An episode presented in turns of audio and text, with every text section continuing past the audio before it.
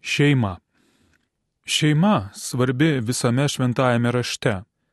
Biblija pilna šeimų, kartų, pasakojimų apie meilę ir šeimos krizės ir taip yra nuo pirmo puslapio, kur į mūsų dėmesio areną įžengė smurto naštos legiama, bet sikiu jėgų toliau gyventi kupina Adomo ir Jėvos šeima.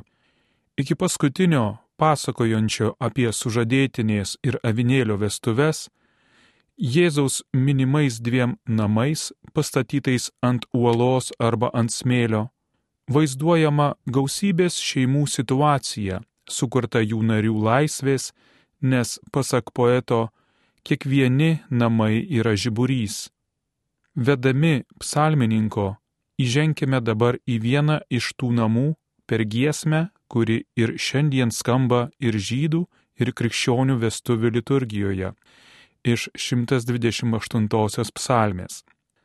Laimingi visi, kurie pagarbiai viešpaties bijo, kurie jo keliais eina, maitinsies savo triūso vaisiais, būsi laimingas ir tau seksis.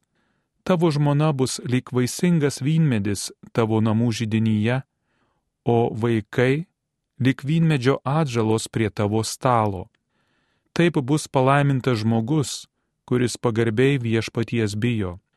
Te laimina tave viešpats iš Sijono, patirk Jeruzalės klėstėjimą per visas savo gyvenimo dienas, pamatyk savo vaikų vaikus, te būna ramybė Izraeliui. Peržinkime slengsti tų giedrų namų, kur šeima susėdusi už šventiško stalo. Centre išvystame porą - tėvą ir motiną, drauge ir visą jų meilės istoriją. Jie įkūnyja pirminį planą, primiktinai priminta paties Kristaus. Argi neskaitėte, jog kuriejas iš pradžių sukūrė žmonės kaip vyrą ir moterį? Pakartojamas pradžios knygos įsakymas. Todėl vyras palieka savo tėvą ir motiną, glaudžiasi prie žmonos ir jie tampa vienu kūnu. Dviejuose didinguose pradžios knygos pirmuosiuose skyriuose vaizduojama pamatinė žmonių poros tikrovė. Šiame pradinėme Biblijos tekste suspindi kai kurios esminės ištaros. Pirmoji, sutrauktai cituojama Jėzaus, skamba taip. Dievas sukūrė žmogų pagal savo paveikslą, pagal savo paveikslą sukūrė jį vyrą ir moterį, sukūrė juos. Stebėtina, kad Dievo paveikslas čia susijęs su pora - vyru ir moterimi. Ką tai reiškia? Ar tai, kad pats Dievas yra lytiškas, arba kad jis lydimas dieviškosios palydovės, kaip tikėjo kai kurios senovės religijos? Akivaizdu, kad ne. Mes žinome, kad Biblija aiškiai kaip stabmeldystę atmetė tokį tarp kananiečių šventojoje žemėje paplitusi tikėjimą. Dievo transcendentiškumas išlaikomas, tačiau kadangi jis yra ir kūrėjas, žmonių poros vaisingumas yra gyvas ir veiksmingas paveikslas, kūriamojo akto regimas ženklas. Pora, kuri myli ir duoda pradžią gyvybei, yra tikra gyva skulptūra ne iš akmens ar aukso, kokia draudžiama dekaloge, gebanti išreikšti Dievą kurėją ir išganytoją. Todėl vaisinga meilė tampa Dievo vidinės tikrovės simboliu. Štai kodėl pradžios knygos pasakojimas, sekdamas vadinamąją kunigiškąją tradiciją, persunktas įvairių genealogijų. Iš tiesų, žmonių poros gebėjimas duoti pradžią gyvybei yra kelias, kuriuo rutuliojasi išganimo istorija. Turint tai priešais akis, vaisingas poros santykis tampa įvaizdžių Dievo slėpiniui atrasti bei nusakyti, slėpiniui, kuris yra pagrindas krikščioniškojo požiūrio į trejybę, išvelgiančio Dieve tėvą, sūnų ir meilės dvasę. Dievas trejybė yra meilės bendrystė, o šeima jo gyvas atspindys. Aiškumo čia mums teikia Šventojo Jono Pauliaus antrojo žodžiai. Mūsų Dievas savo giliausiame slepinyje yra ne vienatvė, bet šeima, nes jis kaip toks yra tėvystė, sunystė ir šeimos esmė, kuri yra meilė. Ta meilė dieviškojoje šeimoje yra šventoji dvasia. Tad šeima nėra kas nors svetima pačiai dieviškai esmei. Šis trejybinis poros aspektas naujai išreiškiamas Pauliaus teologijoje. Apaštului porą susijęs su Kristaus ir bažnyčios vienybės lėpiniu. Tačiau Jėzus, apmastydamas santuoką, primena mums kitą pradžios knygos puslapį - antrą skyrių, kur pateikiamas nuostabus iškalbingų smulkmenų turtingas poros paveikslas. Paminėsime tik dvi. Pirmoji yra žmogaus nerimas. Jis ieško savo tinkamo bendrininko gebančio išsklaidyti ramybės jam neduodančią vienatvę, kurios nenumaldo gyvūnų bei visos kūrinijos artumas. Originaliu hebrajišku posakiu daroma užuomina apie tiesioginį santyki, tarsi veidas į veidą, akis į akį, tyliame dialoge, nes mylint tyla dažnai būna iškalbingesnė nei žodžiai. Tai susitikimas su veidu, su tu, atspindinčių Dievo meilę ir esančių, pasak biblinio išminčiaus, didžiausių savo vyro turtu, į jį panašia pagalbininkė, ištikima parama. O sužadėtinė giesmių giesmėje, įstabiai išpažindama meilę ir abipusį dovanojimąsi, sušunka. Mylimasis, man aš jam. Aš esu mylimojo, o mano mylimasis yra mano. Iš tokio susitikimo išsklaidančio vienatvę kyla nauja gyvybė ir šeima. Štai antrasis momentas, kurį galime išryškinti. Adomas, kuris taip pat yra visų laikų ir visų mūsų planetos regionų žmogus, drauge su savo žmona duoda pradžią naujai šeimai. Kaip cituodamas pradžios knygą patvirtina Jėzus. Vyras glausis prie žmonos, ir du taps vienu kūnu. Veiksmažodis glausis originaliame hebrajiškame tekste žymi artimą darną, fizinį ir vidinį susijungimą lygi tiek, kad vartojamas susivienimui su Dievu nusakyti. Glaudžiuosi prie tavęs, gėda maldininkas. Per tai santuokinis susivienijimas išreiškiamas ne tik savo lytiniu bei kūniniu aspektu, bet ir kaip savanoriškas dovanojimasis mylint. Tokio susivienijimo vaisius yra tapti vienu kūnu ir fiziškai susiglaudžiant ir suvienijant savo širdis bei gyvenimus ir galiausiai iš dviejų gimstančiame vaike, kuris savyje ir genetiškai ir dvasiškai turės abu kūnus. Tavo vaikai yra vynmedžio atžalos Grįžkime prie psalmininko giesmės. Namuose, kur už stalo sėdi vyras ir žmona, yra ir vaikų, kurie lyg vynmedžio atžalos, tai yra kupini energijos ir gyvastingumo. Tėvai yra tarsi namo pamatas, o vaikai lyg šeimos gyvieji akmenys. Reikšminga, kad Senajame testamente antras pagal dažnumą po dievybę žyminčio žodžio JHVH viešpats yra žodis vaikas, ben, sūnus. Žodis giminingas hebrajiškam veiksmažodžiui banach, reiškiančiam statydinti. Todėl 127 psalmėje vaikų dovana aukštinama įvaizdžiais susijusiais ir su namo statyba, ir su socialiniu bei komerciniu gyvenimu, verdančiu prie miesto vartų. Jei viešpats nestato namo, veltui triūsia tie, kurie jį stato. Vaikai iš tikrųjų yra viešpaties dovana, iščių vaisius - palaiminimas. Lik strėlės galiūno rankoje yra jaunystėje žmogui gimęs sūnus. Laimingas žmogus turintis daug tokių strėlių, jis niekad nebus nugalėtas, kai susikirs su priešais vartuose.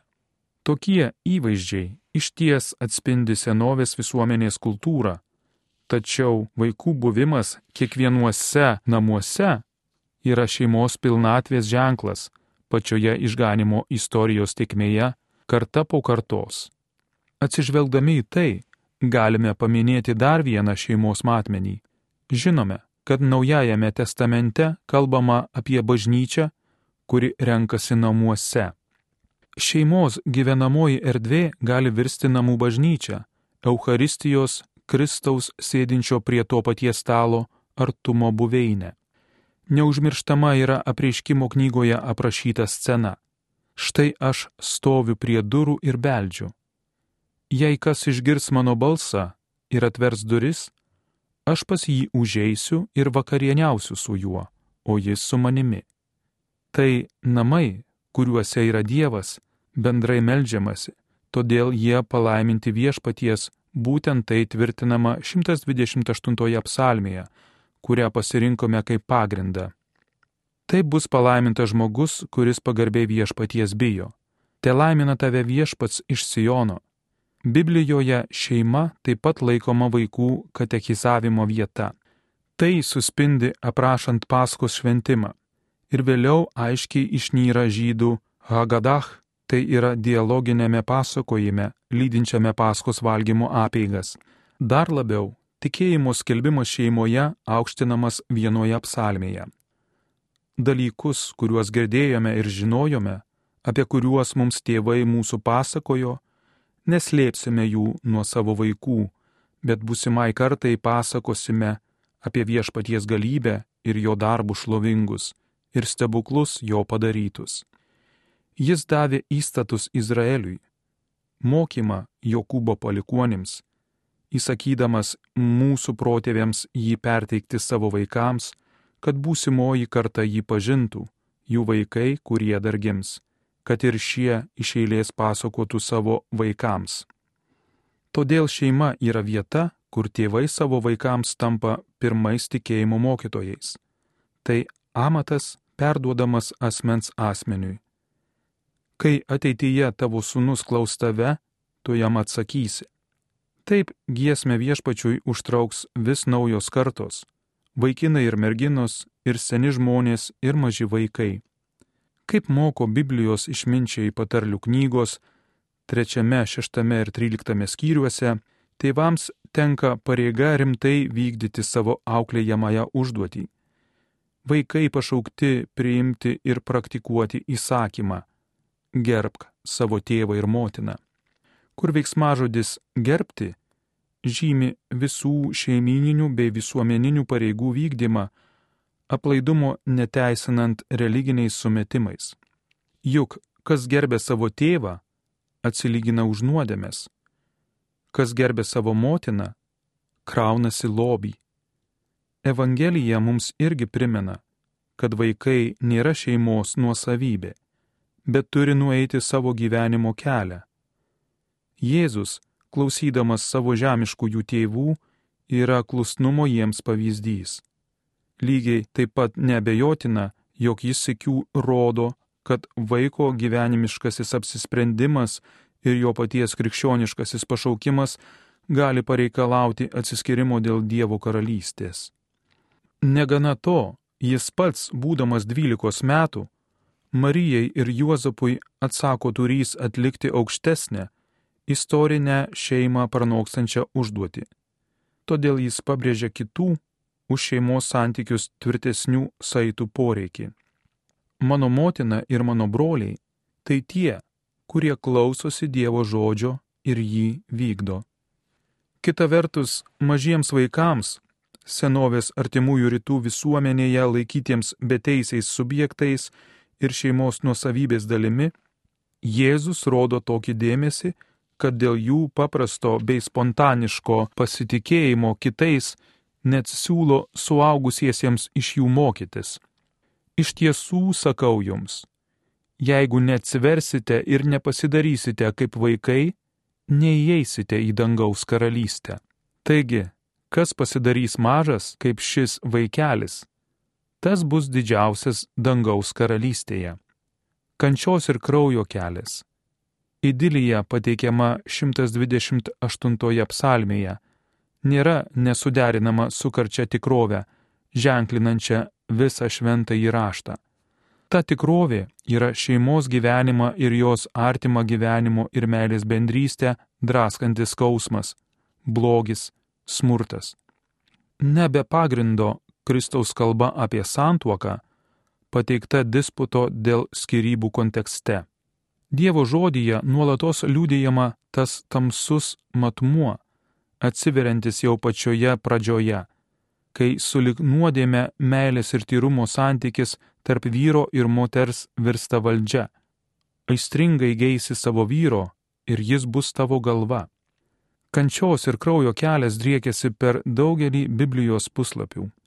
Nuo brolžudiško smurto, kai Kainas nužudo savo brolį Abelį, ir nuo įvairių kivirčių tarp Abraomo, Izaoko ir Jokūbo sūnų bei žmonų, tas kelias per krūvinas Davido šeimos tragedijas atveda iki gausių šeimininių sunkumų, atspindimų pasakojimo apie Tobitą ir likimo valiai palikto Jobo karšto išpažinimo. Nuo manęs jis atitolino mano brolius, visiškai atšalo nuo manęs mano pažįstami Mano žmona bjaurisi mano kvapu, mano broliams darosi bloga nuo mano smarvės. Pats Jėzus gimė kuklioje šeimoje, netrukus turėjusioje bėgti į svetimą kraštą. Jis įžengia į Petro namus, kuriuose guli serganti pastarojo uošvė, jis leidžiasi būti įtraukiamas į mirties dramą Jairo ir Lozoriaus namuose. Išgirsta nevilties kupina Naino našlės šauksmą dėl mirusio sunaus, nedidelėme kaime atsiliepia į tėvo, kurio vaiką kamuoja epilepsija, maldavimą, susitinka su muitininkais, kaip antai Matu ir Zachiejumi jų namuose, kalbasi su nusidėjėliais, kaip antai moterimi įsiveržusią į fariziejaus namus Jėzus pažįsta šeimos būkštavimus bei įtampas ir įtraukia tai į savo palyginimus apie vaikus, kurie palieka tėvų namus ir ieško nuotikių, netinkamai elgesi ar tampa smurto aukomis. Jam taip pat rūpi vestuvės, kurioms gali kilti keblumų dėl vyno stygiaus arba dėl netvykusių kviestinių svečių.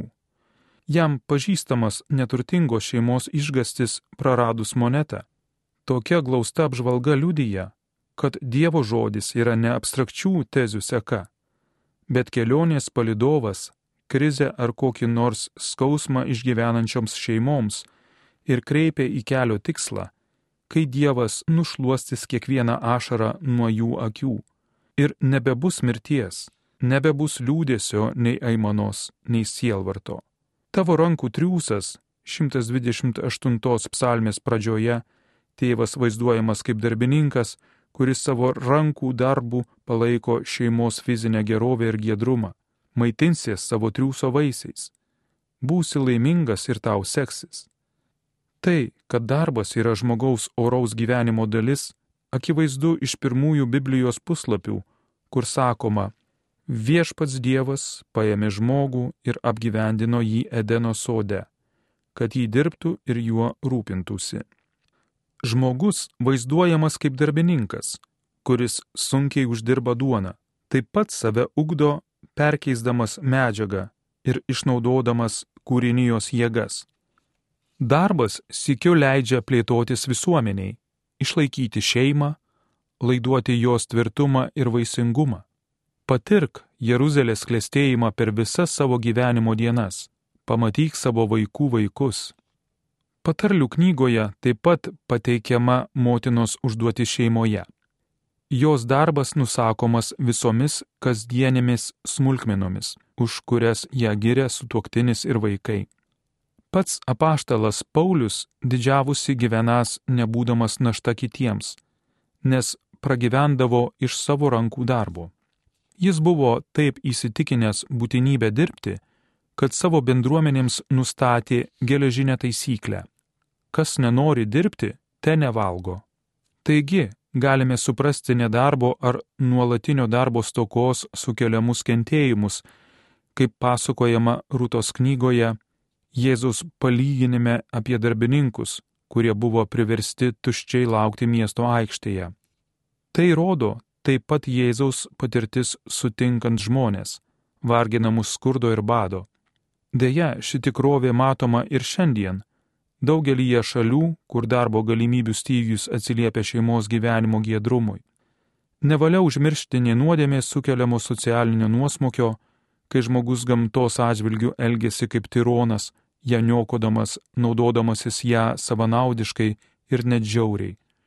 Padariniai - dirvos virtimas dykra, ekonominiai ir socialiniai disbalansai, prieš kuriuos balsą garsiai kėlė pranašai nuo Elijo iki neteisingumą smergusio Jėzaus. Švelnus apkabinimas Kristus kaip skiriama į savo mokinių ženklą pirmiausia pateikė meilės ir dovanojimuose kitiems įstatymą. Ir tai padarė, nurodydamas principą tėvo ir motinos paprastai įkūnėjama savo gyvenime. Nėra didesnės meilės, kaip gyvybę už draugus atiduoti. Meilės vaisius taip pat yra gailestingumas ir atleidimas. Šiuo atžvilgiu labai iškalbinga scena, kurioje vaizduojama svetimautoje, Jeruzalės šventyklos aikštėje iš pradžių apsupta kaltintojų, o paskui viena su Jėzumi, kuris jos nepasmerkia, bet pakviečia į kilnesnį gyvenimą. Meilės horizonte, tokiame esminėme krikščioniškai santaukos ir šeimos patirčiai, išsiskiria dar viena dorybė, dažnai ignoruojama šiais karšlygiškų ir paviršutiniškų santykių laikais - švelnumas.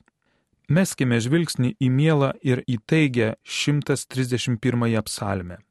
Kaip ir kituose tekstuose, tikinčiojo ir jo viešpaties vienybė išreiškiama tėviškos ir motiniškos meilės bruožais. Prieš akis iškyla motinos ir kūdikio naujagimio, kuris pažindytas miega savo motinos glėbyje, jautrus ir švelnus artumas. Kaip rodo hebrajiškas žodis gamul, kūdikis yra pamaitintas ir dabar sąmoningai laikosi įsitvėręs motinos, kuri jį laiko prie savo krūtinės. Vadinasi, artumas yra sąmoningas, o ne vien biologinis. Todėl psalmininkas gėda. Netgi esu patenkintas ir ramus, kaip vaikas ramus ant motinos kelių. Atkreipti dėmesį galime ir į dar vieną sceną, kur pranašas Ozėjas Dievui kaip tėvui į lūpas įdeda šiuos jaudinančius žodžius. Kai Izraelis buvo vaikas, Aš jį pamilau, mokiau vaikščioti, savo rankose juos nešiojau. Siejau juos su savimi, pajautų saitais, meilės ryšiais. Buvau jiems kaip tie, kurie glaudžia kūdikius prie skruosto. Nusileidau lygi jų, kad juos pamaitinčiau. Būtent tokiu žvilgsniu, apriepiančiu tikėjimą ir meilę, malonę ir įsipareigojimą, žmogiškąją šeimą ir dieviškąją trejybę, žvelgiame į šeimą. Dievo žodžio patikimą vyro, moters ir vaiko rankoms, kad jie taptų asmenų bendrystę pagal tėvo, sunaus ir šventosios dvasios vienybės paveikslą. Vaikų gimdymas ir auklėjimas savo ruoštų yra tėvo kūriamojo darbo atspindys. Šeima, kad auktų meilė ir vis labiau virstų šventykla, kur gyvena dvasia, pašaukta dalytis kasdienė malda Dievo žodžio skaitimų ir Eucharistinę bendrystę. Kiekviena šeima turėtų turėti priešais akis Nazareto šeimos, jos kasdienio triūso ir net košmaro, kai teko pakelti nesuvokiamą erodo smurtą, patirties, tragiškai pasikartojančios ir gausybėje šiandienių atstumtų ir beginklių pabėgėlių šeimų paveikslą. Šeimos kviečiamos kaip išminčiai žvelgti į kūdikį ir motiną, parpulti ir jį pagarbinti. Raginamos kaip Marija drąsiai ir giedrai gyventi liūdnais ir džiugiais šeimos iššūkiais, bei sergerti ir svarstyti širdyje įstabius Dievo darbus. Marijos širdies lobinė yra ir visi kiekvieno iš mūsų šeimos įvykiai, kuriuos ji rūpestingai saugo todėl ji mums gali padėti savo šeimos istorijoje atpažinti Dievo žinę. Naujasis testamentas moko, kad kiekvienas Dievo kūrinys yra geras ir niekas net mestina. Santuoka yra viešpaties dovana. Dėl tokio teigiamo įvertinimo sikiu labai pabrėžiama būtinybė šią Dievo dovaną rūpintis te būna visų gerbiama santuoka ir nesuteptas santuokos patalas. Ta Dievo dovana apima lytiškumą. Nesitraukite vienas nuo kito. Jėzus, nurodydamas pirmą pradį planą žmogiškai porai, patvirtina neišardomą vyro ir moters ryšį žodžiais. Moze leido jums atleisti žmonas dėl jų širdies kietumo, bet pradžioje taip nebuvo. Santuokos neišardomumas, ką Dievas sujungė, žmogus te neperskiria, laikytinas ne žmogui užkrautų jungų, bet dovana santuokos sujungtiems žmonėms. Dievo atlaidumas nuolatos lydi keliaujančių žmonės, gydo sukietėjusias širdis, perkeičia jas malonę ir per kryžių kreipia į jų pradą. Evangelijose aiškiai matyti paradigminis Jėzaus pavyzdys. Jėzus, kaip pilnatvišką apreiškimą, skelbia žinę apie santokos reikšmę, atitinkančią pirmapradį Dievo planą. Jėzus, visą sutaikinęs savyje, santuokai ir šeimai gražino pradinę formą. Kristus santuoką ir šeimą atpirko ir atkūrė pagal švenčiausiosios trejybės paveikslą, pagal slėpinį, iš kurio kyla bet kuri meilė. Santuokinės sandoros įsteigtos pačioje pradžioje ir apreikštos išganimo istorijoje prasme galutinai apreiškiama Kristuje ir jo bažnyčioje. Per Kristų santuoka ir šeima gauna malonę, būtina Dievo meilė liūdyti ir gyventi bendrystėje. Šeimos evangelija reiškiasi pasaulio istorijoje nuo žmogaus sukūrimo pagal Dievo paveikslą iki sandoros slėpinio atbaigimo Kristuje laikų pabaigoje avinėlio vestuvių pokiliu. Jėzaus pavyzdys bažnyčiai yra paradigminis. Savo viešąjį gyvenimą jis pradėjo ženklų per vestuvių pokylį Kanoje. Dalyjosi kasdienėmis draugystės akimirkomis su Lozoriaus šeima bei jo seserimis ir Petro šeima. Išgirzdavo tėvų verksmus dėl savo vaikų ir gražindamas gyvybę parodydavo tikrąją gailestingumo apimančio sandoros atkūrimą reikšmę. Tai aiškiai liudyja susitikimai su Samarietė ir svetimautoje kur neužtarnautos Jėzaus meilės akivaizdoje pabunda nuodėmės suvokimas. Žodžio įsikūnyjimas žmogiškojoje šeimoje Nazarete sukrečia istoriją savo naujybę. Turime panirti Jėzaus gimimo slėpinį į Marijos taip angelo apriškimui, kai jos iščiose prasidėjo žodis. Į Juozapo, kuris davė Jėzui vardą ir rūpinosi Marija Taip, į piemenų šventę prie prakartėlės, į išminčių pagarbinimą, į bėgimą Egiptant, Jėzui dalyjantis savo ištremtos, persekiojamos ir pažemintos tautos skausmu, į Zacharyjo religinį lūkestį ir džiaugsmą, liūdinti Jono Krikštitojo gimimą, į šventykloje išpildytą Simeonui ir Onai pažadą, į įstatymo mokytojų nuostabą klausantis augančio Jėzaus išminties. O vėliau įsižiūrėti į tuos 30 metų, kai Jėzus pelnė duoną savo rankų darbu, recituodavo tautos tikėjimo tradicinės maldas ir mokėsi savo tėvų tikėjimo, kol padarė jį vaisingą karalystės slėpinyje. Štai gimimo slėpinys ir Nazareto paslaptis pilni malonaus šeimos kvapo. Slepinys taip žavėjęs Pranciškų Asižietį, kūdikėlių Jėzaus Teresę ir Šarlį Fuko ir dabar skatina šeimas atnaujinti savo viltį bei džiaugsmą. Šventasis raštas pamažu padeda artintis prie trejybės, apreiškiamos šeimos bruožais pažinimo. Šeima yra Dievo, kuris yra asmenų bendrystė ir paveikslas. Per krikštą tėvo balsas vadina Jėzų savo mylimuoju sūnumi. Ir šioje meilėje mums duota pažinti šventąją dvasę. Jėzus, kuris visą sutaikino savyje ir atpirko žmogų iš nuodėmės, ne tik sugražino santuokai bei šeimai jų pradinį pavydalą, bet ir padarė santuoką savo meilės bažnyčiai, sakramentiniu ženklu. Kristaus suvienitoje žmogiškojoje šeimoje atkurtas švenčiausiosios trejybės paveikslas ir panašumas - slėpinys, iš kurio trykšta kiekviena tikra meilė. iš Kristaus per bažnyčią santuoka ir šeima gauna šventosios dvasios malonę liūdyti Dievo meilės Evangeliją. Pabaiga. Skaitė Mindaugas Zimkus.